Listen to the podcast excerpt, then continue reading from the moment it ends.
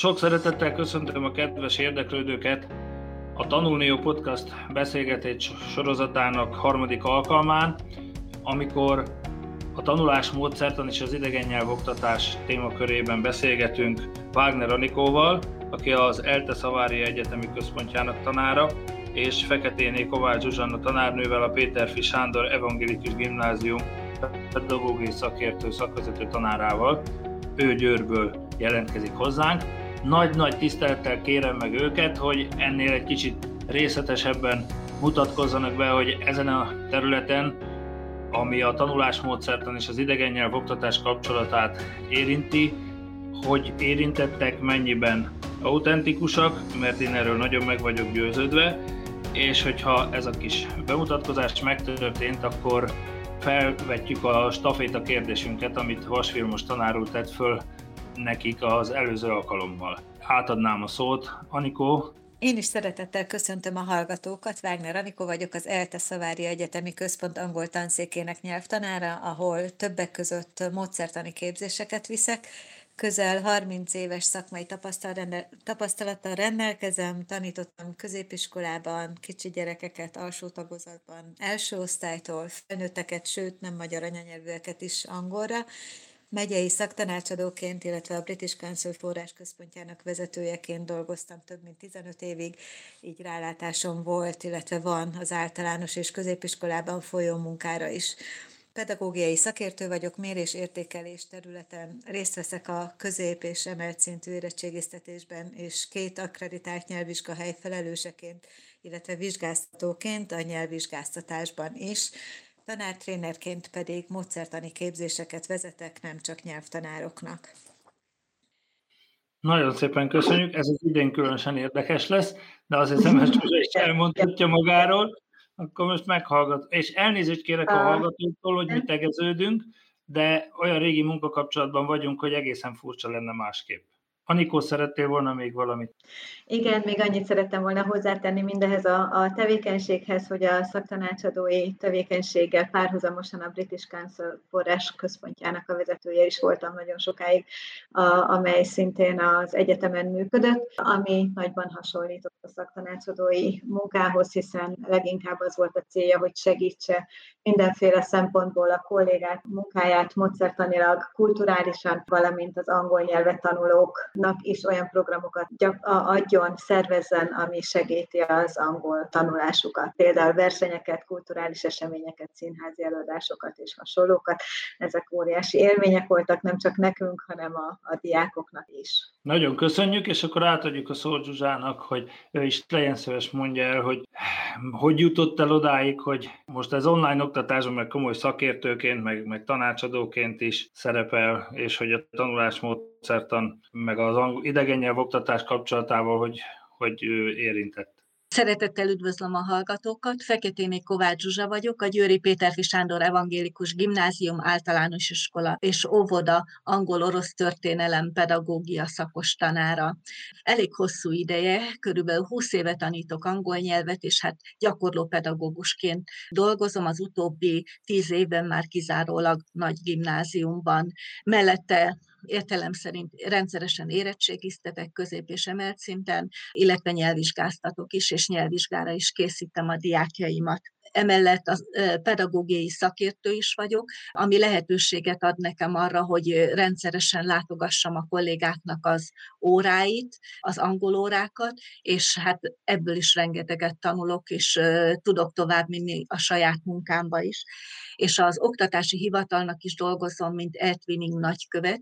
Az Eltwinning az Erasmus Plusnak egy alprojektje, és a Közép-Dunántúli régiónak a követeként dolgozom, és az a feladatunk, hogy a pedagógiának az új módszereit, a digitális pedagógiát, a projektmódszert népszerűsítsük a kollégák és a diákok körében, illetve ismertessük meg azt a remek lehetőséget, amit az Eltwinning biztosít a számukra.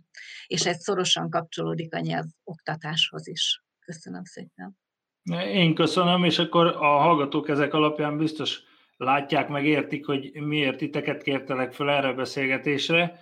Vas Vilmos tanár úr, aki az előzőekben a Jegesnél Rémes Érén kolléganővel együtt a tanulási motiváció és a módszertan kapcsolatáról beszélgetett velünk, a staféta kérdésben azt kérdezte tőletek, hogy mi a véleményetek arról, hogy most nemzetközi felmérések alapján a, aki korai gyermekkortól idegen nyelvet tanul, vagy esetleg kétnyelvű környezetben nő fel, annak a kognitív funkciói, a kognitív fejlődése, tehát a probléma megoldó gondolkodása, az asszociációi, a logikája, esetleg az anyanyelvi kompetenciái is fejlettebbek, erősebbek, mint, a, mint aki nem egészen korán kezd idegen nyelvet tanulni, hogy esetleg a középfokú oktatásban, meg az érettséginek ezek így kiderülnek-e, erről mi a vélemény, mi a tapasztalat a gyakorlatból. Kérdezte ez az, a, olyan szakember, meg tanár úr, aki ugye angolul is nemzetközi területen is tart tanulás motivációról előadásokat. Én mindenképpen egyetértek ezzel az állítással, saját tapasztalatból is, illetve a, a kutatásaim alapján is ez a, a, a tapasztalatom. Minél korábban kezdi egy gyerek a idegen nyelv, vagy idézőjelben idegen nyelv tanulását, annál, annál jobb ebben a nyelvben, és annál jobb minden más kognitív képességben. Ez a minél korábban kezdeni, ez ugye azt jelenti, hogy például a, a két nyelvű családba született gyerekek nyilván már a, a legelső, a beszéd tanulás, a beszéd elsajátítás legelső pillanatától kezdve két nyelven kommunikálnak, hiszen általában az egyik szülőjükkel az egyik nyelven, a másik szülővel pedig a másik nyelven történik ez a, a, a kommunikáció. Az én tapasztalatom, illetve a kutatásaim is azt támasztják alá, hogy az egyetlen kritérium, az egyetlen feltétel abban, hogy ez nagyon jól működjön, az, az a következetesség. Tehát, hogy megmaradjon ez a, ez a kettőség, hogy az egyik kör, az egyik csatorna az az egyik nyelvet, a másik pedig a, a másikat használja. Ebben az esetben a, a gyereknek semmiféle gondja nem lesz a két nyelv elsajátításában. Ugye nagyon sokszor kérdezik ezt a a szülők és a hallgatók is, hogy vajon ebben az esetben nem keveredik-e össze idézőjelben a gyerek, nem, soha nem keveredik össze, neki ugyanis nem a nyelv a különböző, hanem a, a személy, akivel a kommunikáció zajlik. Ezek szerint ennek is az alapja az érzelmi biztonság, és ehhez kötődik a... Nagyon fontos, így van, így van, igen. Zsuzsa, te hogy látod? Teljesen egyetértek Anikóval, és nagyon sok dolgot hozzátenni már nem tudok. Nálunk elég sok ilyen diák van, ahol kétnyelvű a család, és azt látom, hogy amint belép egy harmadik idegen nyelv, azt is sokkal könnyebben sajátítják el ezek a gyerekek, akik már ilyenfajta nyelvi tapasztalattal rendelkeznek tehát könnyebben szintetizálnak. Két anyelvű gimnáziumokban egy pár csoportot vittem, Pécsett is, Gödöllőn, és én is azt tapasztaltam, azt láttam, hogy mondjuk itt tanulni jó foglalkozásra bemegy az ember egy angol nyelvű matekóra után. 11-eseknek a, a matek szöveges felirat felírva a táblára, akkor azért én is elgondolkodom, hogy micsoda szellemi potenciál van itt a gyerekekben, és hogy micsoda lehetőségek, mert hogy ez nekik szinte már természetes volt, és ez szerintem valami óriási lehetőség van benne, mert utána meg a munkavilágában ma meg, tehát teljesen természetes, hogy németül vagy angolul kell folyamatosan kommunikálniuk, meg problémát megoldaniuk, úgyhogy ez, ez mindenképpen nagy segítség. Én azt gondolom, hogy pontosan itt jön ki az a, az, az óriási nagy különbség a többi tárgyhoz képest az angolra szemben, hogy, hogy itt ez a, ez a bizonyosság arra, hogy az angol az csak egy eszköz. Tehát nem az angol nyelvet kell tanítanunk, hanem az angolt, mint eszközt kell használnunk arra, hogy nagyon sok minden mást is megtanuljunk, és ez a gyerekek számára teljesen természetes. Tehát ők nem magát a nyelvet tanulják, illetve használják ebben az esetben, hanem azt az ismeretet, amit ezen a nyelven, például a matematikát, ami valóban csodálatra méltó számomra is, el tudják sajátítani. Tehát az, ebben az esetben is ez okoz nekik gondot, hogy a matematikai összefüggéseket értsék meg, és nem az angol nyelv értése a feladat számukra ebben az esetben. Mert hogy később a munkaerőpiacon is eszközként fogják használni a munkájukban különböző területen a nyelvet. Tehát ez a cél, hogy tehát ez egy remek lehetőség, hogy elsajátítsák olyan szinten, hogy majd eszközként a munkájukat segítse. De ez egy komoly motivációs bázis is, nem nektek nyelvtanároknak. Tehát, hogyha belegondolunk, akkor én történelem tanárként hogyan értessem, hogy miért, miért, hogyan bizonyítsam be, hogy ez rendkívül fontos, hogy mikor volt a Westfáli béke, mert legyünk őszintén, nem fontos. Tehát nem, vagy, vagy a nyelvtan tanító kollega a hatodikban a viszonyszók rendszere, és, és akkor mi van, ha elfelejtjük? Vagy hogyha meg se tanuljuk. De, de azért nektek ez egy nagyon, nagyon nagy motivációs bázis, hogy ezt igenis használni fogjátok az életetek során, és igenis a mindennapos kommunikációban már gyerekként is, mint ahogy látom a, akár a saját gyerekeimen, meg ahogy látjuk a csoportjainkban, hogy szinte folyamatosan csetelgetnek, sőt, gyakran úgy néznek filmet, stb. És a, az én kisebbik lányom például azt mondta, hogy ő németes lesz, mert az angol úgyis ráragad. Olyan szinten sokat kommunikálnak angolul. És azért ez a, korai gyermek, a kora, gyermekkori tanuláshoz, idegen tanuláshoz most eszembe jutott módszertanilag egy érdekes kérdés, hogy vezettem egy pár olyan iskolában továbbképzést, ahol nem a hagyományos módon tanítják az idegen nyelvet, tehát például nincs ilyen, hogy szavak tanulása, szódolgozat, egy határozottan a Kozár Mislenyiekre emlékszem, ahol egy-két nyelvtanár kolléganő ezt bevezette, nem is tudom, már nem emlékszem a, a módszernek az elnevezését, és hihetetlen, hogy, hogy mennyire pozitív motivációval tanultak angolul egyből a nyelvi környezetben, Viszont szegényeknek, amikor elismerték a tanárok is, hogy amikor a hagyományos középfokú oktatásba bekerült az általános iskolából, és ott találkozott a na, szódolgozatot írunk struktúrával, ott azért volt belőle gondja. Hogy ehhez a módszertani váltáshoz hogyan állnak hozzá a kollégák, akikkel ti kapcsolatban vagytok? Igen, ez egy nagyon érdekes kérdés. Ugye volt egy ilyen előzetes kérdésünk, hogy mennyiben más az idegen nyelvek oktatása módszertani szempontból. Nagyjából elmondtad a, a lényegét, valóban a motiváció más, és ezért nekünk nyelvtanároknak sokkal könnyebb dolgunk van ebből a szempontból, viszont ez nem helyettesíti azt, hogy olyan módszereket kell használnunk, amivel a gyerekek, a diákok valóban megtanulnak.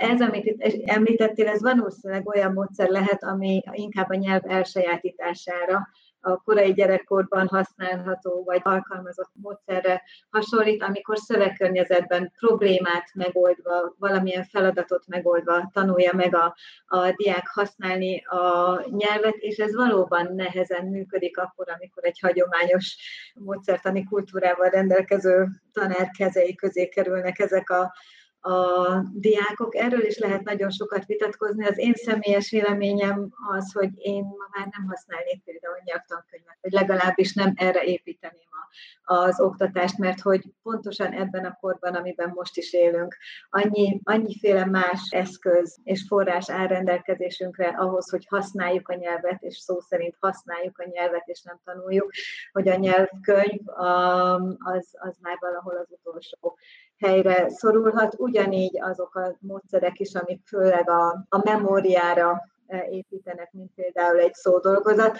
Megjegyzem, a szódolgozat is le, lehet nagyon érdekes például egy quizlet használatával, vagy, vagy bármilyen más applikáció használatával, amikor már is nem, nem dolgozat lesz belőle, hanem játék, és, és, és, fel, és fantasztikus eredményeket lehet ezzel így elérni. Mond, mond mert látom, hogy volt gondolatod. Igen, tehát a középiskolában azért van egy sajátos helyzet. Maximálisan támogatom, amit elmondtál, de nekünk a gimnáziumi középiskolai tanároknak nagyon erősen tudatában kell lennünk a kimenettel nek is. Tehát, hogy ennek a gyereknek majd érettségit kell tenni, ez a gyerek akkor kap pluszpontokat a felvételin, hogyha nyelvvizsgát tesz, sőt, hogyha felsőfokú nyelvvizsgát tesz, akkor még több pontot kap.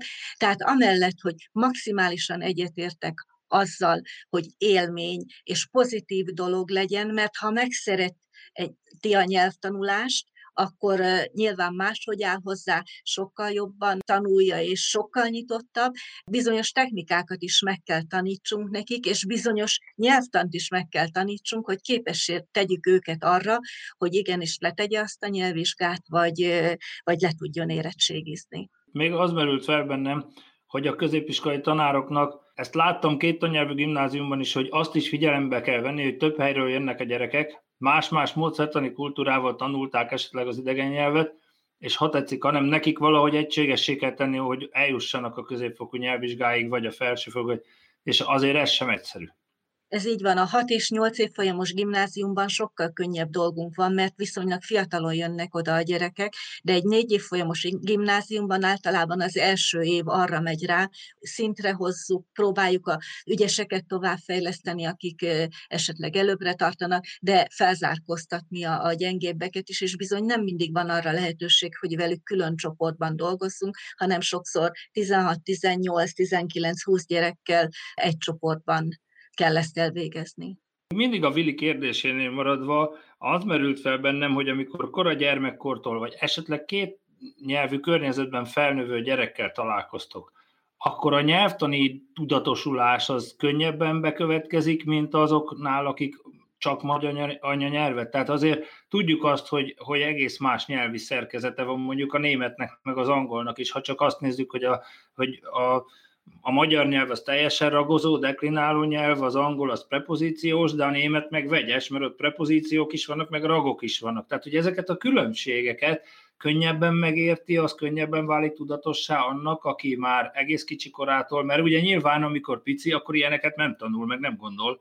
Csak, csak ha, hogy mondta Anikó, hogy egyik szülővel így, tehát másolja annak a szülőnek a nyelvhasználatát, mint ahogy az anyanyelvet is tanuljuk. Erről mi a tapasztalatotok, hogy ez a, ez a nyelvtani tudatosulás, ez hogy következik be? Én azt gondolom, ez ugyanúgy működik, mint ahogy a magyar nyelvvel, és tehát ugyanúgy meg kell tanulni egy magyar gyereknek is a magyar nyelvtant, mint ahogy egy olyan gyereknek, aki anyanyelvi szinten beszél bármilyen nyelvet, annak az adott nyelvnek uh-huh hát ez az angollal is ugyanígy van, tehát használni tudja, de mondjuk az okokat, a szabályszerűségeket azt neki ugyanúgy tudatosítani kell, ahogy ahogy te elmondtad, talán inkább az, abban, látok, abban, abban látom ezt a, a furcsaságot, hogy azok, akik így kétnyelvűként érkeznek, annyira öntudatosak, hogy nem, nem nehéz, nehéz őket erre a munkára rákényszeríteni, hogy, hogy már pedig neked erre szükséged van. Mert igen, az folyamatosan beszélsz azon az idegen nyelven, azon az adott idegen nyelven, az nem jelenti azt, hogy az accuracy, már mint a pontosság, a nyelvi pontosság is ugyanolyan tudatos. Tehát azt ugyanúgy meg kell neki is tanulnia. Tehát értsük ezt úgy, hogy mivel ő folyamatosan gördülékenyen és érthetően beszéli azt az idegen nyelvet, úgy érzi, hogy már a, a egyéb információk tanulására nincs szükség, mert hát ez anélkül is megy. Uh, illetve nem kell neki uh, tudatosan erre energiát fordítani. Tehát, mint hmm. egy magyar nyelv szabályszerűséget megtanulni, kvázi, arra neki nincs szüksége.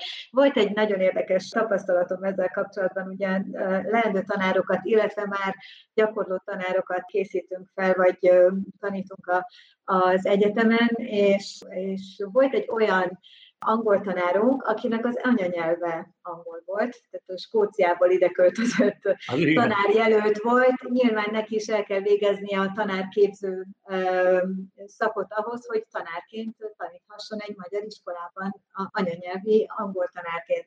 És nagyon érdekes volt, egy olyan feladata volt egy, egy ilyen órán, nem az én hallgatom volt, de, de jelen voltam a, az eseményen. Az volt a feladata, hogy megtanítsa a present perfectet, ezt kellett neki elterveznie, illetve megtanítania a virtuális tanítványai számára, és nem tudta megtanítani, nem tudta elmagyarázni, hogy mikor, hogyan, milyen szabályszerűségekkel kell használni a present perfectet, mert hogy az ő számára ez annyira evidens volt, hogy még soha nem gondolta végig, hogy ez hogy lehet olyanoknak megtanítani, akik, akiknek viszont ez nem annyira egyértelmű.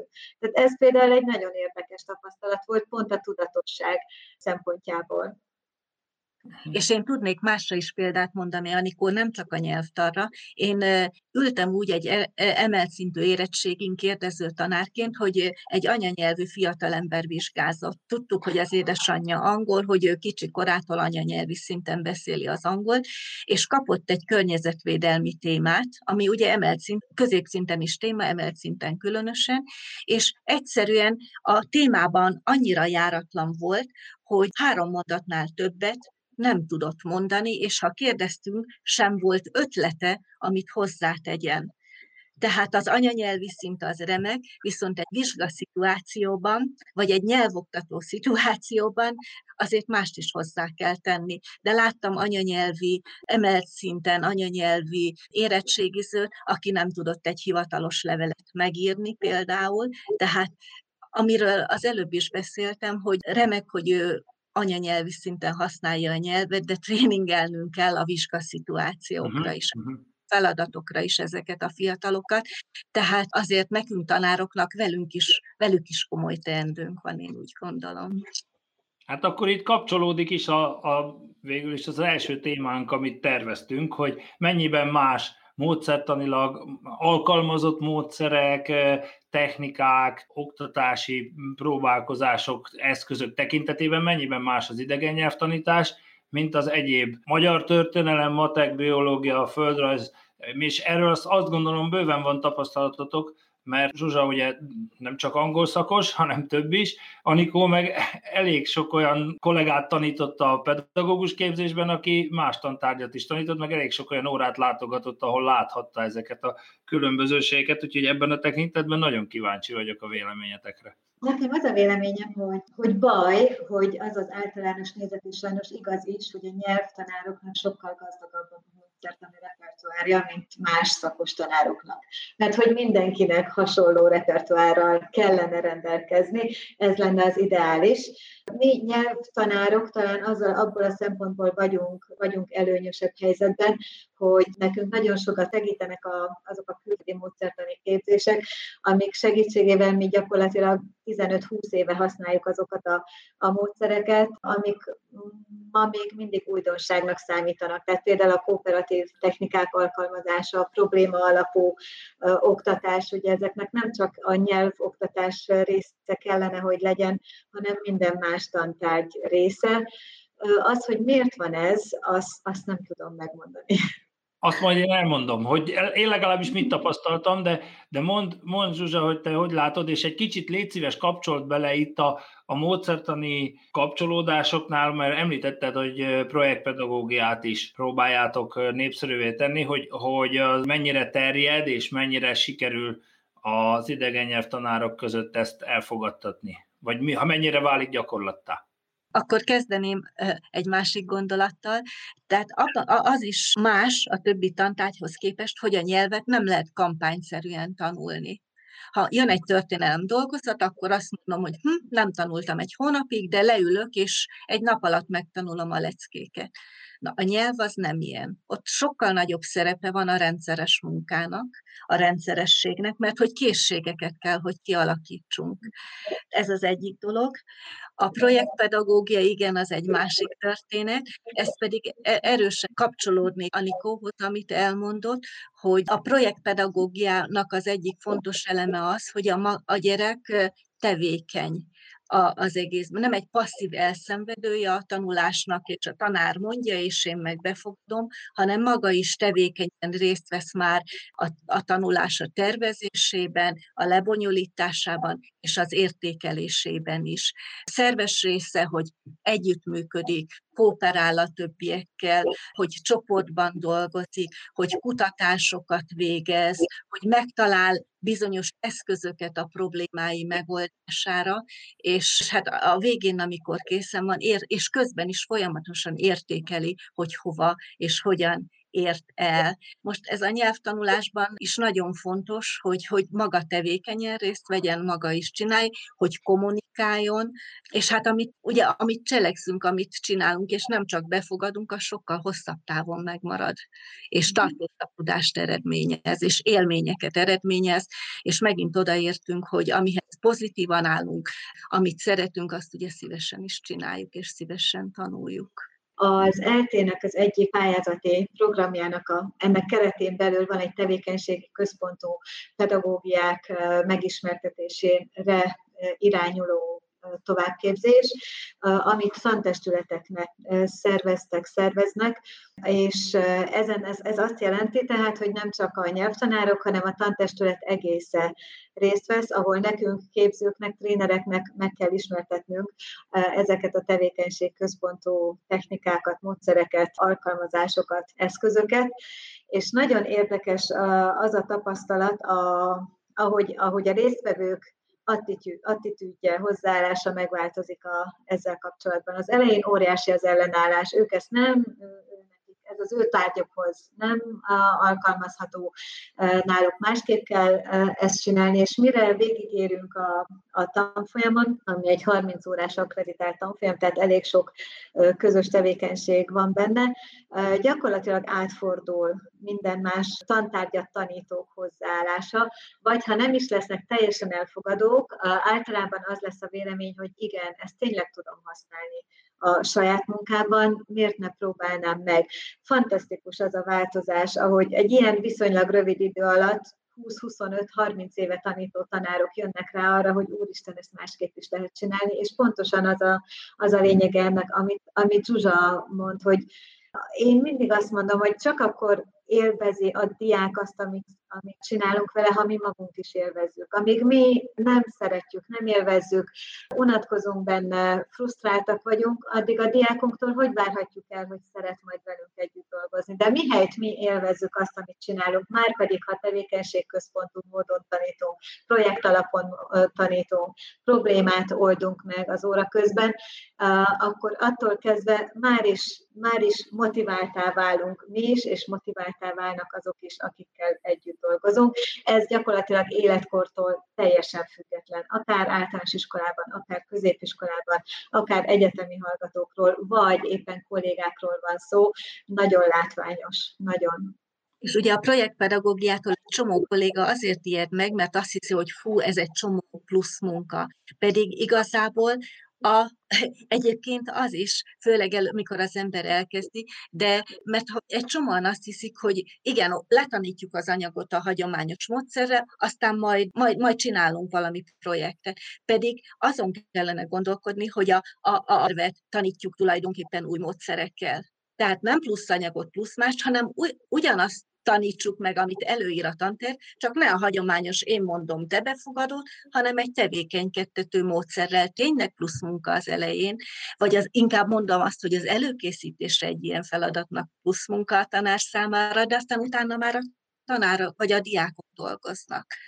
És meg az együttműködés a, a különböző szakos kollégák között az, a dolgok egymásra épül, és jóformán, hogyha egy jó projekt van, egy műveltségterületi, akkor az azt jelenti, hogy az adott részterületen az a négy-öt kollega, aki együttműködik, írt egy új tantervet. Tehát ez mindenhogyan, eh, mindenhogyan komoly munka, de ebben a Ebben a tekintetben megint az a tapasztalatom, hogy az idegen szakosok szerencsés pályán vannak. Gyakorlatilag nincs olyan projekt, amihez ne, lehenne, le lehetne angol vagy német nyelvi környezettel csatlakozni. Amikor én legelőször elkezdtem ezt a 90-es évek elején egy honfoglalás projektet Mezőszentgyörgyön, akkor először csak jött a matek, meg a technika, meg csináltak kis nyílhegyeket, meg egy-két ilyen dolgot, és akkor egyszer csak jött a német szakos kolléganő, hogy mikor lesz a honfoglalás projekt. Hát mondta, tudod, az ötödikeseknek május vége felé, ahogy a tananyagban van. Azt mondja, jó, akkor ő csatlakozna német órán a hetikeit, mert egy, egy hetes projekt volt. Én meg elkerekedett a szemem, hogy hogy csinálod, de jó lenne, de milyen ötleted van, és mondja, hogy hát figyelj, a Szent Galeni levél, hát, le, hát lefordítjuk, és meg.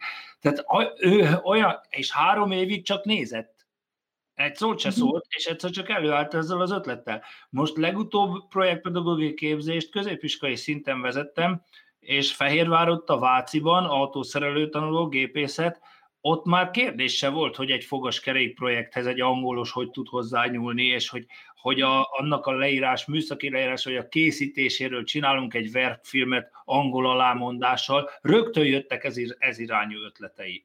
Tehát a, ebből a szempontból szerencsés, mert az idegen nyelvvel szinte bármilyen témához rögtön lehet kapcsolódni, még biztos, hogy vannak olyan tárgyak, amivel nem ennyire kézenfekvő, de azt, azt gondolom, hogy nagyon sok szerepe van ebben annak is, amit Anikó mondott, hogy az idegen nyelvet tanítók gyakrabban jelennek, vagy vannak valamilyen ottnál fogva, gyakrabban vannak módszertani képzéseik, és hogy azok néha még nemzetköziek is, meg online környezetben összejönnek olyan távoli kollégákkal, akikből felszednek egy-két új ötletet, az óriási előny. Egy gyakorlati példát, és hadd hozzam ide az e-twinninget, ugye, aminek a, az elején mondtam, a magyarországi nagykövete vagyok. Ez a, a legnagyobb pedagógus közösség Európában, sőt, nyolc EU-n kívüli ország is kapcsolódik ehhez.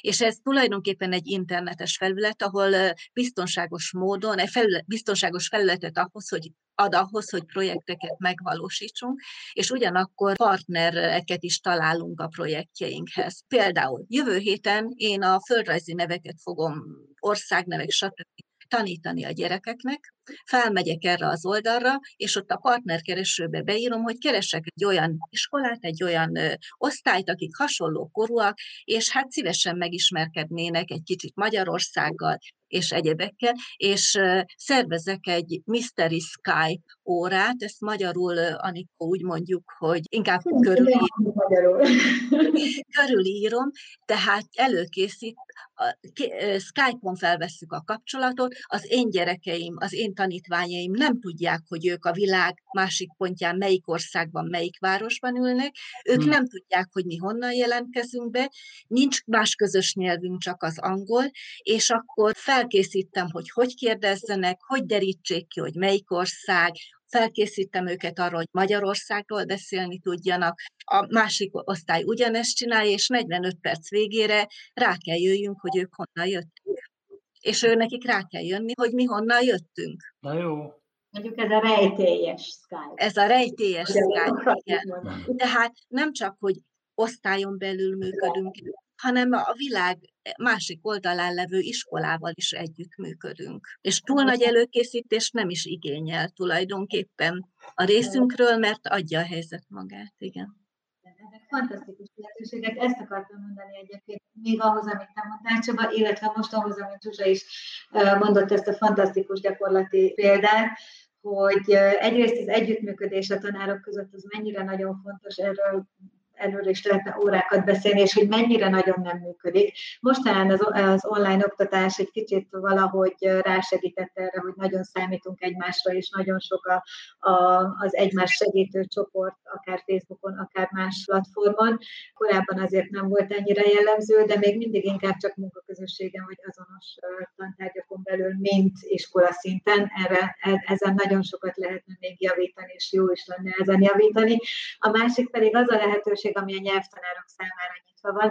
Uh, itt Zsuzsa az Eltwininget mondja, én a, a Tempusnak nagyon sokáig dolgoztam pályázat bírálóként, ahol az eltwinning alapvetően előny volt, abszolút előny volt azoknál a pályázatoknál, akik alkalmazták és használták az eltwinninget, mert hogy tényleg rengeteg a, a lehetőség. De itt most nem is ez, ez, erre szeretnék rávilágítani, hanem arra, hogy azok a kollégák, akik viszont nem beszélnek idegen nyelvet, de nem feltétlenül nyelvet tanítanak, mennyire kimaradnak ezekből a lehetőségekből, mert nem a nyelvtanárok számára nyitottak valójában ezek a lehetőségek, hanem mondjuk egy, egy, egy egy biológia tanár számára, egy matek tanár számára, aki el tudna menni külföldre és látná a jó példát, de nem tud, mert hiányzik hozzá a nyelvi készsége. Ez megint egy olyan téma, azt hiszem, ami sokkal messzebbre messzebbre vezet, és itt megint arra lyukadunk ki, hogy az angol, vagy a német, vagy bármelyik, bármelyik idegen nyelv, mondjuk ebben az esetben talán az angol a legelőnyösebb, mert az, az a legáltalánosabb ilyen,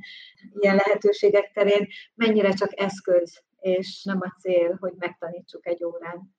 És még egy mondat, Csaba, ha megengeded, hogy évek óta benne van a tanévrendjében is a digitális témahét, aminek pont az lenne a lényege, amit Csaba, te említettél, hogy a különböző tantárgyat tanító tanárok együttműködjenek, akár iskolán belül, akár más iskolákkal. Most március 22-től kezdődően volt, és azt hiszem még a jövő héten lehet projekteket bonyolítani.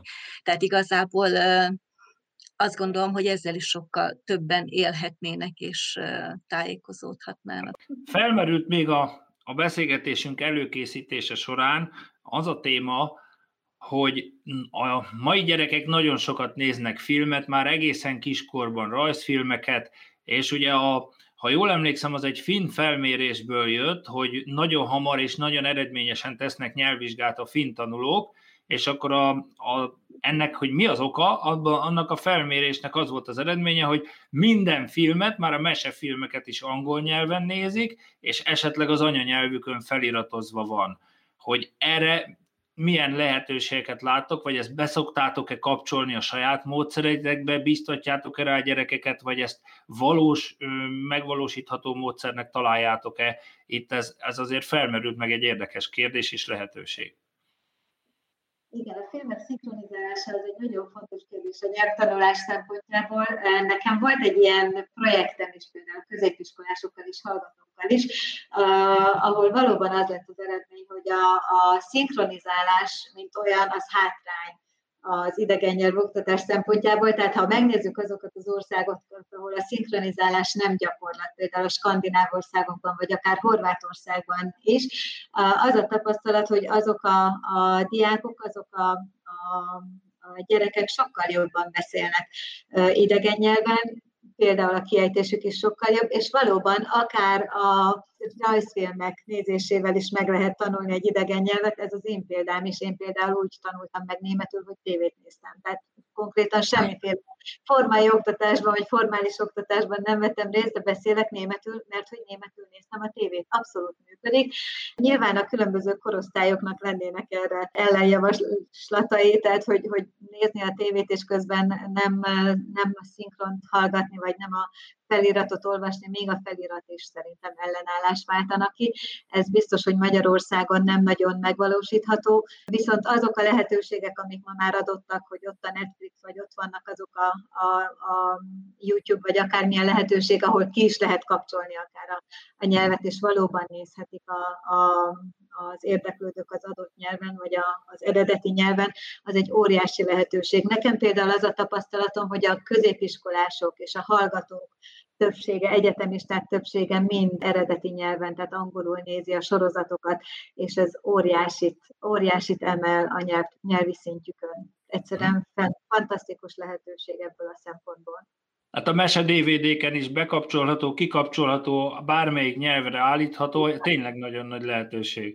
Zsuzsa? Ezt én egy kicsit tovább gondolva kapcsolódnék ehhez. Én például remekül szoktam használni a filmnézés a kezdőkkel is. Mégpedig egy kicsit megcsavarva a dolgot, angol, be, angolul beszélő filmet angol felirattal. Mert hogy uh-huh. amúgy nem érteném még meg, de ott a biztonsági angol felirat, amit meg tud állítani, és meg tud nézni, utána nézni a szavaknak, tehát a nyelvtanulásnak így is egy remek eszköze. És hát ez is egyfajta pozitív motiváció is a nyelv tanulásra, hogy hát siker, sikerélményt szerez. És múltkor olvastam egy mondást, és itt gondolom azt, hogy a szülőknek is óriási a szerepe. Rendszeresen hallom szülői értekezleten, hogy mm, én se tudtam megtanulni egyetlen nyelvet. Mondom a gyereknek, hogy bizony ehhez nagyon nagy fenék kell. A kedvenc mondatom pedig az, hogy a nyelvtanulás nem sprint, hanem maraton. No, aki, az a gyerek, aki ilyennel ijesztgetünk, nem biztos, hogy pozitívan fog a nyelvoktatáshoz állni, mert ha azt mondjuk, hogy nem sprint, de egy 800 méteres síkfutás, az még teljesítő, de a maraton az már nem. Tehát úgy gondolom, hogy a szülőknek is nagy itt a felelőssége. Egyrészt, hogy odaültesse mondjuk az elé a film elé, meg hogy egy kis pozitív motivációval, és ne tüntesse fel azt, hogy ez egy lehetetlen küldetés. No, és hogyha tovább lép lépünk, akkor felmerül az, ezt meg is beszéltük, de, de itt tényleg felmerül, hogy most akik esetleg ilyen módszerekkel, a gyerekek, most kifejezetten, hogy mert eddig azért nagy részt a pedagógusokról beszéltünk, a gyerekeken észrevehető-e az, hogy, hogy az idegen nyelv tanulása során ők azért rákényszerülnek egy kicsit jobban a memoriterek tanulására, erre kis trükköket ki kell dolgozni, szókártyákat kell készíteni, vizuálisan esetleg megjeleníteni dolgokat, tehát mint ahogy mondtátok is, hogy az idegen nyelvet tanító kollégák elég sok ilyen tevékenységközpontú, meg, meg digitális módszerrel gazdagok, és akkor, hogy ez megjelenik-e, Zsuzsa, te meg pláne egy tanulniós csoportot is vezettél, és ott láthattad, hogy akkor egy másik tantár tanulásában, hasonló helyzetben, mondjuk évszámokat kell tanulni, akkor is előhozzák-e, vagy hasznosítják-e azokat a módszereket, amit esetleg máshol magukra szedtek? Hát mindenképpen. Nyelvoktatás nem véletlen, hogy időskorban is nagyon ajánlják, most itt a gyerekekről átkapcsoltam, mert hogy rendkívül jól fejleszti a memóriát, fejleszti az összefüggések felfedezésének a képességét, tehát nagyon-nagyon sokban segíti más tantárgyaknak a tanulását, és én úgy gondolom az, aki idegen nyelvet tanul, az, az más, másútt is jelen van Arról nem is beszélve, hogy egy nyelvvel ne felejtsük el, hogy nem csak nyelvet tanul, hanem elsajátít, vagy közel kerül hozzá egy másik kultúra is. Tehát a világlátása, a látóköre tágul, sokkal nyitottabb lesz mondjuk a történelem, a földrajz és számos más tantárgy irányába is. Tehát én úgy gondolom, hogy a nyelv sokban segít és aládolgozik a többi tantárgynak is, ha e, ilyenre gondoltál, Csaba. Hát igen, arra gondoltam konkrétan, hogy, hogy eh, megtanulnak, vagy az alkalmaznak, mert ez nem is tanulás, hanem egyszerűen alkalmazunk mondjuk az idegen szavak vagy kifejezések tanulására bizonyos játékos módszereket, akkor, azt autó, akkor az áttevődik-e abba, ami szintén párosítható információk tanulás, hogy évszám és esemény, költő és verse, idegen szó, magyar szó, hogy akkor alkalmazza a gyerek a azt, amit ezáltal egy kicsit magába szívott módszerként is. Én csak reménykedni tudom, mert Anikó említette például a kvizletet a szótanulásra, ez ugye mhm. párosítós magyar-angol jelentés, vagy angol szó definíciója, de ugyanezt megteheti a, mit tudom én, a fizikai képletekkel, megteheti a történelem évszámokkal is, tehát amikor azt mondtam, hogy aládolgozunk a többi tantárnak, ilyenre is gondoltam például, hogy használunk a nyelvórán számos olyan applikációt, weboldalt és egyébeket, amit a gyerek a többi tantárgyban is felhasználhat. És úgy gondolom, hogy itt van nekünk a nagy felelősségünk tanároknak, mert hogy a szülők sem ilyen világban, ilyen iskolában nőttek fel, tehát meg kell tanítsuk a, nekünk azt is, nekünk tanároknak meg kell tanítani azt is, hogy az okos eszközeiket okosan használják, és nem csak játékra és csetelésre való, hanem igen, tanulásra is lehet azt használni, sőt, kellene. Abszolút Zsuzsával. Most már azért látszik, mert meg tapasztalják szegény gyerekek és a szülők is, hogy az okos eszközök tanulásra használandók, manapság sokkal inkább, mint bármi más, de valóban régen, régen ezt, ezt külön tanítani kellett. Én nagyon ellene voltam annak a gyakorlatnak, ami, ami arról szólt, hogy a mobiltelefonokat ki kell vonni az óráról, és, és beszedni, és elvenni, és lekapcsolni. Én sokkal inkább azt szorgalmaztam már akkor, mielőtt az online tanulás betört hozzánk, hogy igenis használjuk ki, hogy léteznek az okos eszközök, akár a, a szótár, akár a játék, akár bármilyen más funkcióját, mert hogy így tanulja meg a, a gyerek azt, hogy ez, ez, ez ebből a szempontból is nagyon hasznos lehet.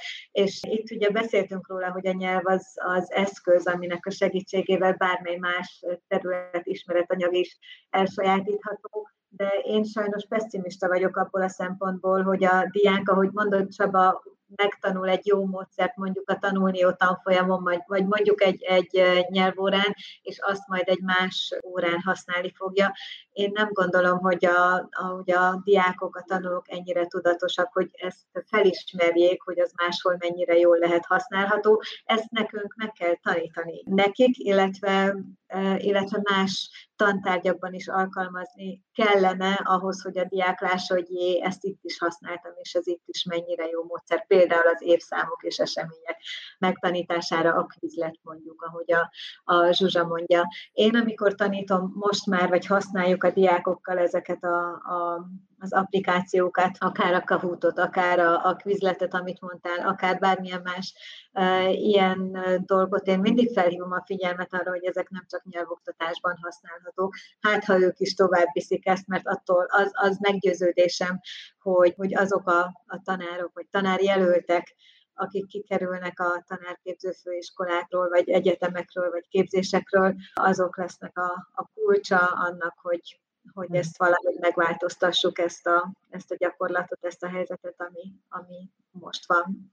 Hát így rendszeresen pedagógus továbbképzéseket vezetve az utóbbi időben digitális oktatásról is elég sokat, meg ezekről a konkrét módszerekről erdélyi kollégáknak. Most legutóbb érdekes módon épp a bukaresti magyar iskola tanárainak tartottam ilyet. Én azt látom, és ugye amikor így készülünk, meg utána nézzünk, akkor a szabadon elérhetőeket átnézzük, meg megnézzük a felületeket, akár a kvízleten, kahuton, kvízizen, padlet, wordwall, tankockákon, rengeteg-rengeteg, most már nem csak idegen, hanem mindenféle tantárgyal kapcsolatos, különösen a párosítható információkra őrületes mennyiségű, de most már egyéb csoportosító feladatok, kiegészítések, nagyon sok minden van. Én abban nagyon reménykedem, hogy hogy ez majd átkerül akkor is a, bekerül, tehát hogy a, a tanáriban az egymás mellett ülés közben is lesz belőle egyet, együttműködés, és nem csak így, hogy most nagyon, egyébként rendkívül szolidáris a, a magyar pedagógus társadalom, mindenki önzetlenül megosztja a saját munkáját, meg szabadon elérhetővé teszi, ebből a szempontból nagyon, nagyon sokat segítünk egymáson. Az egy más kérdés, hogy, hogy majd eszünkbe jut-e, meg eszükbe jut-e a kollégáknak, hogy jé, hát ő ebben ügyes szinten már megcsinálta, ha letöltöm, akkor az idegen szó magyar szót az egyik oldalát ki kell cserélni egy matematikai művelet, másik oldalon az eredmény, vagy a növény és a, a rendszertani besorolás, és nagyon sok minden ilyet szinte át lehet venni aztán egymástól. A, azt, hogy ez a gyerekeknél hogy jön át, arra én én, én is így gondoltam, hogy mi akár a tanulnión, akár kollega megmutatja, inkább a fő kérdés az, hogy aztán önállóan is alkalmazza az önálló tanulásában, amikor már tudja, hogy, hogy esetleg azon a kvízizen nem csak egy szódolgozatot lehet vetni, hanem ott játszani is lehet rajta, meg gyakorolni, de, de ugyanígy elmondható a tankockákkal is. Úgyhogy itt most át is csúsztunk a digitális oktatás, meg az online oktatás témakörében, hogy akkor legyetek szívesek, különösen Zsuzsa most ugye nagyon sok feladatot kapott ebben, meg nagyon mélyen benne volt, úgyhogy akkor légy szíves, mert, mert te vagy az, aki pedagógus továbbképzés szintjén is, meg a középiskolás tanítványaiddal is, meg szakértőként is most már online kellett, tehát aztán eh, majdnem minden frontjáról be tud számolni, hogy akkor milyen változásokat hozott ez itt a, az oktatási életben. Hát igen, először is ugye ez most nem egy lehetőség volt, hanem egy kényszer lett, és ez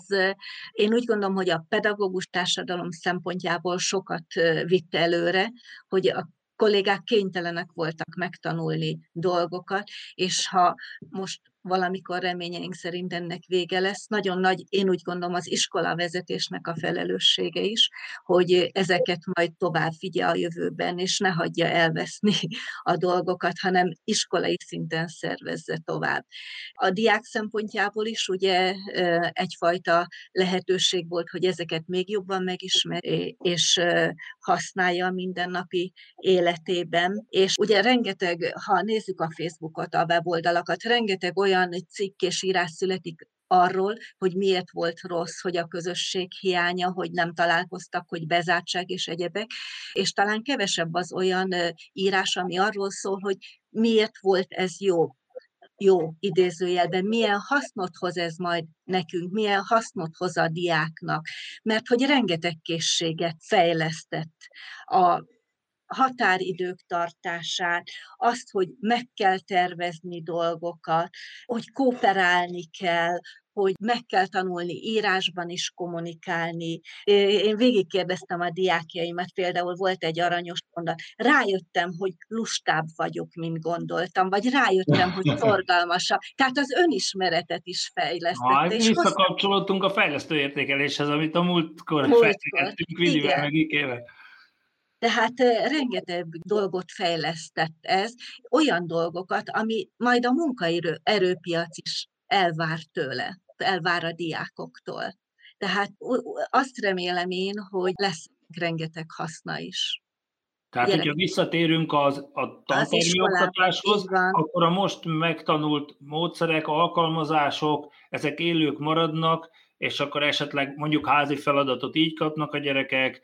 Így van, esetleg tehát a tanárok Megint a, a közös projektmunkára nagyon jó, nagyon alkalmas, hogy három, négy vagy öt fős gyerekcsoport egy adott feladatot alkosson meg valamelyik alkalmazással a többieknek, amit aztán ők, és, és akkor mindenki így tud. Tehát én azt gondolom, hogy ebben teljesen igazad van, ilyen szempontból nagy erőlelépés lehet, a, a munkavilágát bekapcsolva meg pláne, mert ez bármikor előfordulhat, hogy bizonyos munkahelyen majd otthonról kell megoldani ezt-azt online vagy interneten. És a pedagógus továbbképzésben, vagy a képzés a főiskola egyetemi szinten ott, ott hogy néz ki a dolog, Anikó? Ez azt gondolom, az első, az első szakasz az, az valóban ez a ez a spontán uh, munka volt, vagy a spontán része a, a dolognak. Ezzel együtt a másodiknak már abszolút tudatosnak kellett volna lenni. Nekem ebben az volt a tapasztalatom, nagyon érdekes volt, hogy én még augusztusban például tartottam tanárkövet továbbképzést, ahol minden résztvevő azt mondta, hogy bárcsak térnénk vissza, és ő mindent, mindent ugyanúgy fog csinálni, mint régen, és de jó lesz elfelejteni ezt az egész online oktatást. Én már akkor próbáltam azt mondani, hogy nem, nem ez a, a, a megoldás, hogy elfelejtjük az online oktatást, hanem átveszük azt, amit abból megtanultunk, és próbálunk ebben fejlődni, és, és jobbak lenni, nem csak azért, mert lehet akárhányadik hullám, hanem azért, mert ha nem lesznek következő hullámok, akkor is használnunk kell ezeket a készségeket és képességeket, ahogy Zsuzsa mondja, és fejlesztenünk a,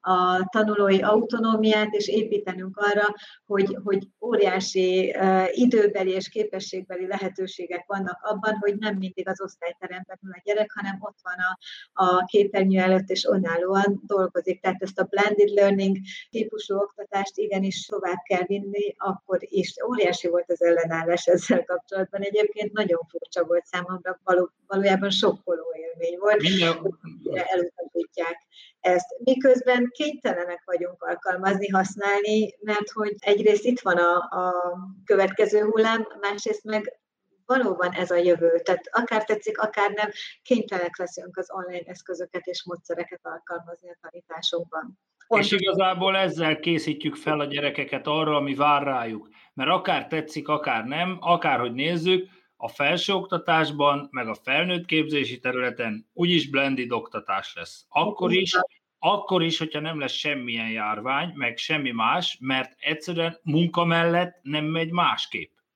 Uh-huh. És ezért a felnőtt képzés már most, én dolgozom tananyagfejlesztésben, felnőtt képzésben, már most az nem is képzelhető el, hogy ne úgy fejleszünk egy tananyagot, hogy eleve blended módon legyenek kidolgozva az anyagok, hanem ha, ha nem, nem is tervezünk úgy, hogy minden élő tantermi oktatással fog menni. Uh-huh. Tehát ez most már, és ha így nézzük a dolgot, akkor felkészítjük a gyerekeket arra, ami vár rájuk, tehát ilyen szempontból is ez, ez egy előnyös, meg okos dolog lenne, és hát remélem is, hogy, és a pedagógus szempontjából igazából azt gondolom, hogy persze az elején a befektetett idő, meg energia, meg tanulás az néha fáj, de hogyha de azért, ha valamit jól megtanulunk, nézzük meg csak a dolgozatírásnál, vagy egy redmentát gyorsan és jól megcsinálunk, és beidőzítjük, akkor az kijavítja helyettünk a dolgozatot. És Arról akkor... nem is beszélve, hogy egy csomó dolog készen is van, Csaba, igen, csak meg igen. kell találjuk. Csak meg kell találjuk, és akkor alkalmazni kell, meg saját magunknak lementeni. Igen, itt egy, azt a fajta ellenállást, amiről Anikó beszélt, én úgy szoktam hívni, hogy a pedagógus továbbképzésen az első két órában mentális, mentálisan nekem háttal ültek, de aztán, aztán ezt, ezt persze játékokkal, meg egy-két konkrét dologgal, amit átélünk, ezt, ezt igyekszünk leküzdeni, és általában sikerül is. Most, mivel mind a ketten, jó, mond, bocsánat. Igen, és egy nagyon fontos dolgot még ne felejtsünk el említeni, az iskolában tanuló diákokat. Mert ez most egy nagyon furcsa állapot, amiben mi élünk, hogy az összes diák, aki az iskolában, a középiskolában, Anikóékra nem biztos, hogy igaz, a középiskolában és az általános iskolában, az óvodában ül, az mind a 21. század szülötte, és mi, tanárok, pedig kivétel nélkül, még a fiatalok is a 20. századból jöttünk, és hogyha megnézzük a tanáriknak az összetételét, bizony 50 év az átlagkorhatás sajnos manapság, tehát sokkal kevésbé vagyunk nyitottak a változásra, pedig ez a mostani generáció, az é és az alsóban ülő alfa generáció teljesen más, mint mondjuk tíz évvel ezelőtt az Y is, pedig már az Y sem volt egy könnyű eset. Tehát teljesen máshogy kell megközelíteni, és teljesen más módszerekkel, teljesen máshogy tanulnak, és ők ilyenek, szithatjuk, hogy fú, ez a mai generáció ilyen meg olyan, ilyenek, és nekünk, tanároknak kell alkalmazkodni, hogyha egyáltalán szót akarunk velük érteni. Ebben semmi új nincs, minden generációra az előző azt mondta, hogy borzasztó, ránk is. De ekkora különbség sose volt csak. Hát, de meg mindig nagyobb lesz. Tehát ez, ez, ez viszont evolúciós, és mentálisan is létezik az evolúció. Tehát erre csak a banikon ne haragudj, de ezt az egy mondatomat hadd mondjam. Tehát én, mint történelem tanár, hadd mondjam, hogy Mezopotámiában a földművelő generációk, ott lehet, hogy ezer éven át csak annyi volt a különbség, hogy egy soros felkével szántottak, vagy két soros felkével, de ugyanazt a, a gyerek, meg a szülő, meg a nagyszülő ugyanazt csinálta, ugyanúgy élte meg ugyanabban a kultúrában, majd egy évezredig.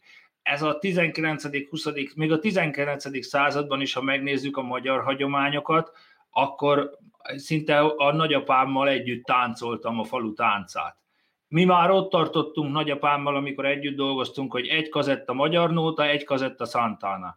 Na most értitek, és én meg a gyerekemmel hol tartok ehhez képest kulturális, nagyon nagy ö, hálát adok a Istennek, hogy minden este együtt gitározgatunk, de és ez egy nagyon különleges, mert egészen más vizuális kultúrában, és ahogy fejlődik a technológia, ahogy a gyerekek követik egyre jobban, az előző korosztályok meg, meg mást követ, annál nagyobb lesz a különbség ezekben a dolgokban, úgyhogy ez szerintem természetes.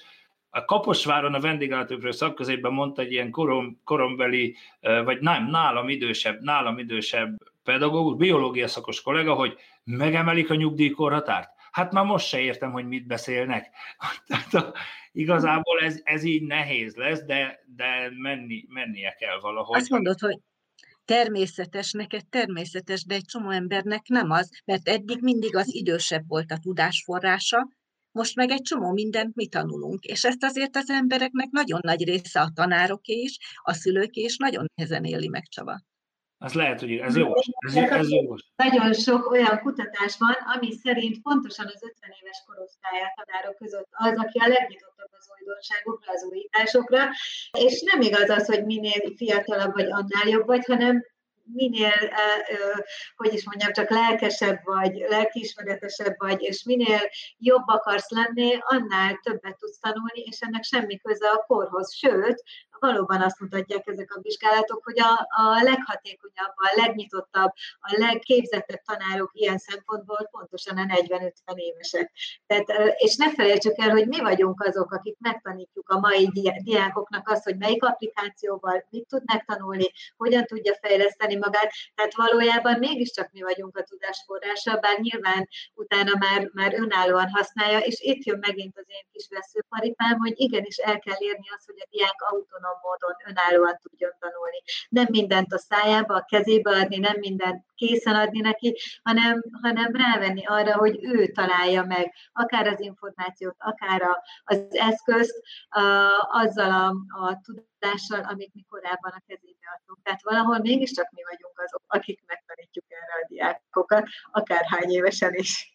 Arról nem is beszélve, hogy úgyis csak az lesz hatékony, hogyha ő maga megcsinálja a saját tankönyvét, meg a saját gondolatát kialakítja a dologról, és arról az egy nagyon érdekes, egy objektív, én nagyon sok pedagógus továbbképzést tartva megfigyeltem, én azt gondolom, hogy ez egy objektív dolog, hogy miért, miért ez a 45-50 körüli korosztály a legnyitottabb az új, dolgok, az új dolgokra. Azért, mert a pedagógus társadalom jelenleg 90% körül hölgyekből áll, és a hölgyeknek családanyai kötelességeik is vannak, és addig, amíg nem repültek ki a gyerekek, hanem minden nap mosni, főzni, vasalni, tehát ez olyan szintű leterheltség, hogy az volt olyan siófoki matexakos kolléganő, aki azt mondta, hogy este fél tizenkettőkor eszembe jutott még nekem, hogy a, a printényezős felbontásról milyen kártyákat gyártsak, de akkor már még egy ink kivasalása után bedöltem, és ennyi, és amikor a gyerekek el, eljutnak oda abba a korba, hogy már nincs az a mindennapos törődés, meg esetleg ki is repültek, tehát ez pedig akkor történik, olyan 50 körüliek a hölgyek, ugye, akkor jön el az egy, egy és lehet, hogy akkor úgy belevetik magukat, van ez egy kis plusz idő meg energia, de egy, egy kicsit rászabadul e, erre a dologra, én úgy vettem észre, hogy ez is belejátszik. Igen, meg az is, hogy hiányzik a fiatal generáció az középiskolákból. Az is igaz. A tanári tanár generáció. Tanár generáció. Még mindig mi vagyunk a fiatalok, a 40-es, 50-esek. Hát képzeljétek el, a Veszprémi Hittudományi Főiskolán a múltkor tanszéki értekezlet volt, a pedagógikaron, hát a, a rektor úr volt nálam fiatalabb csak. Hát ugye elgondolkodtam, hogy jaj. Na hát akkor a... a Digitális a oktatáshoz még egy mondatot. Igen, igen.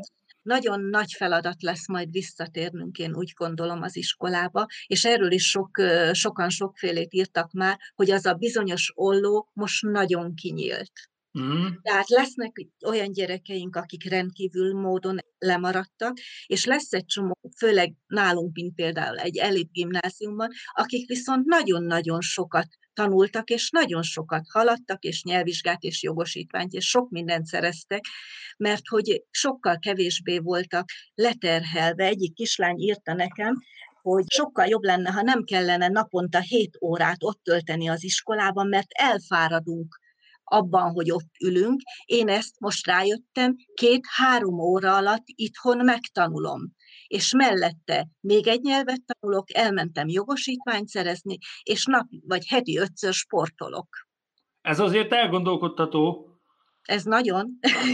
Az én, én középiskolás lányom ezt úgy fogalmazta meg, hogy apa aznap már a hatodik legjobb előadó jött be, és csodálkozott, hogy becsúsztunk a pad alá. nagyon nehéz, tény, tényleg napi 6-7 órát gimnáziumban, középiskolában ülve figyelni, nagyon nehéz. Az, le, az tényleg megterhelő. Na, hogyan néz az ki akkor, hogy most a digitális oktatásból visszatérünk? Itt van ez a nagy olló, ami nem csak tudásban, hanem képességfejlődésben is megjelent egyébként. Ez nyilván majd az általános iskolákban jelent nagyobb problémát. Most akkor ezt hogy küszöböljük majd ki, vagy hogy hidaljuk át? Ez jó kérdés. Én úgy gondolom, hogy itt megint nagyon nagy az iskolavezetős feladata is. Én most megkérdeztem a 11-es osztályomat, mikor fellebbent a lehetőség, hogy április 19-én visszamegyünk, és azt hittem, hogy hú, ők nagyon örülnek, mert hogy nagyon vágytak vissza, és azt mondták, hogy Zsuzsa néni, lehet, hogy jobb lenne, ha nem mennénk, mert most mindenki nekünk, nekünk esik, minden tanár, és az összes meg nem írt dolgozatot ez alatt a másfél hónap alatt meg fogja velünk iratni. Tehát nagyon nagy a mi felelősségünk, mert én azt láttam, hogy a szeptember-október hónap is azzal telt, pedig akkor csak három hónapot voltunk távol, hogy visszaszoktattuk őket az iskolába. Most egy év után kell visszaszoktatni, és nem az a jó módszer, hogy nekik esünk és minden dolgozatot bepótolunk, hanem szépen lassan visszaállítjuk a, a, a szokásos napi rendjüket. És én nem azt gondolom, hogy most újra kell átvenni a tananyagot, mert aki abban gondolkodik, hogy na akkor elkezdem, aztán majd megtanítom, ami elmaradt. Nem, akkor mire való volt ez az egy év? Tehát a, a digitális oktatás arról szólt, hogy a tananyaggal azért haladunk, és nem ott folytatjuk, ahol á, novemberben abba hagytuk, vagy tavaly márciusban,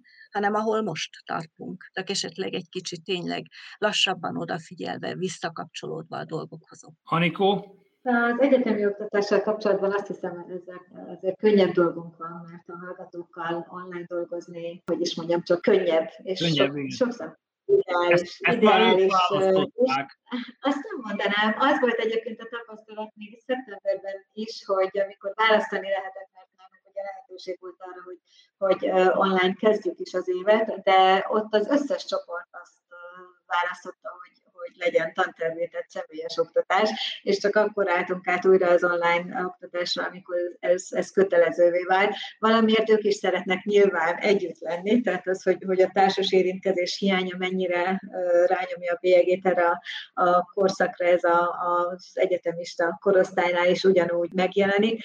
Ezzel együtt az oktatás vagy a, a szakmaiság szempontjából én azt gondolom, hogy egyetemi szinten ez az online oktatás nagyon is jól tud működni.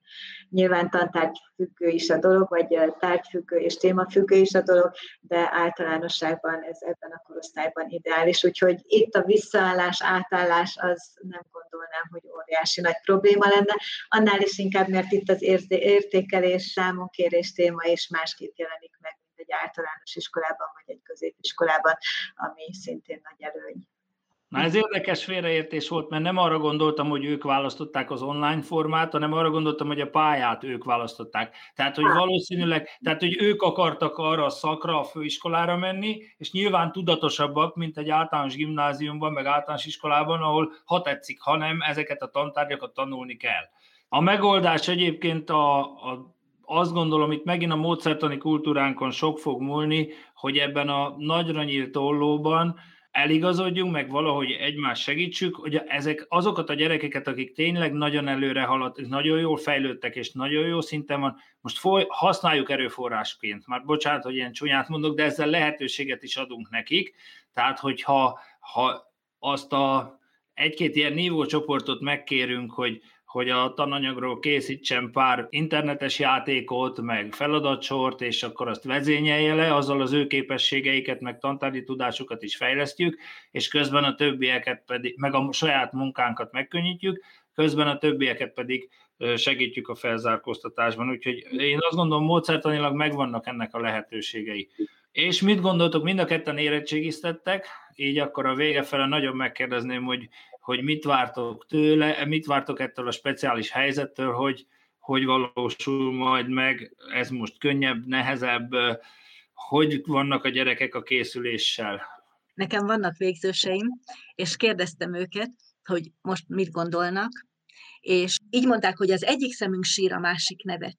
Annak örülünk, hogy sok magyar történelmi és egyéb tételt nem kell bemagolni, viszont idegen nyelvből abból jó lett volna, mert azt úgy, úgy, úgy gondoljuk, hogy az úgy megy, és egy kicsit még emelt volna az eredményünkön. Tehát ez ugye a lelkemnek egy kicsit jól esett, hogy idegen Pont ezt akartam mondani, ez egy dicséret. Igen, igen, igen, hogy szívesen elmentek volna. De nyilván mindenkinek ugyanazok lesznek a lehetőségek, ugyanaz lesz a hátránya vagy előnye, hogy most fog szóbelizni, tehát én a továbbtanulásnál ugyanazokat az esélyek most ezzel, hogy senki nem szóbelizik. Nem tudom, hogy rossz vagy jó, hát el kell fogadjuk a helyzetet. De az esélyegyenlőség azért így megvan. Megvan. Mindenkinek Amikor... rossz vagy jó, igen. Igen, igen. Nagy hátrány lesz azoknak, akik kimaradnak abból, hogy átélik ezt az élményt, hogy szóbelizhetnek. Tehát, hogy, hogy hogy az élmény maga marad el, az érettségi szóbeli élmény marad el. Szakmailag azt gondolom, hogy elvenni a lehetőséget a, a jól teljesítő tanulóktól arra, hogy még jobbak legyenek, ami általában elő szokott fordulni idegen nyelvi szóbeliknél, az, az egy hiba. Tehát aki mondjuk 80-85-90 százalékon teljesít írásban, az a szóbelén valószínűleg még jobban teljesít, és sokkal jobb eredményt ér el, bár az esélyei nem csorbulnak, ahogy, ahogy Zsuzsa is mondta, nyilvánvaló. Azoknak, akik viszont rosszul teljesíteni, teljesítenek írásban, még egy lehetőséget adni arra, hogy egy olyan stressz helyzetbe kerüljenek, én nem gondolom, hogy ez egy jó döntés volt, ez az én személyes véleményem. Én, én örültem volna neki, ha újra szükségük lenne a diákoknak szóban érettségizni. Egyébként fantasztikus teljesítményekkel szoktunk találkozni, tehát ilyenkor azt mhm. gondolom, hogy hogy van, van remény és van potenciál ebben a korosztályban még bőven. De jó, ez nagyon jó volt hallani, és akkor befejezésül úgy tudom, hogy egyeztettétek, hogy a következő beszélgetésünk témáját adó anyanyelv és irodalom és a módszertan kapcsolatáról a következő beszélgető társaknak milyen staféta kérdést adnátok, vagy továbbítanátok? Mivel anyanyelvi, illetve irodalmi témával, illetve olyan szakemberek lesznek a következő podcast vendégei, akik ilyen témával foglalkoznak. A mi kérdésünk az lenne számukra, hogy hogyan változtatnák meg, ha egyáltalán megváltoztatnák a kötelező olvasmányok listáját, azokat az olvasmányokat, amiket el kell olvasniuk a diákoknak a, akár az általános iskolában, akár a középiskolában, illetve hogyan motiválnák őket arra, hogy olvassanak még többet olvassanak annál, mint amit most olvasnak a diákok. Nagyon köszönöm, ez végszónak azt hiszem nagyon jó volt. Nem lehetetlen küldetés, mert most már korosztályok bizonyítják, hogy nem az, és az, az meg pláne egyértelmű, hogy, hogy nagyon fontos küldetés, a mindennapjaink részévé válik az idegen nyelv, nem csak tanulása, hanem használata, úgyhogy nagyon-nagyon szurkolok, a, pláne, hogy a lányom is érettségizik, a mostani és a következő érettségiző korosztályoknak, nektek meg, hogy sok sikeres vizsgázót hallhass, láthassátok a munkáit. Nagyon köszönöm ezt a nagyon tartalmas, nagyon sokrétű és nagyon érdekes beszélgetést, a sok értékes gondolatot. Én nagyon sokat tanultam belőle, remélem, hogy az érdeklődők is, akik meghallgatják, ugyanilyen érzéssel fogják végighallgatni. Őtőlük is, őnekik is köszönöm, és nektek is még egyszer a staféta kérdéseteket pedig továbbadjuk a következőekben. További minden jót kívánok, köszönöm a beszélgetést.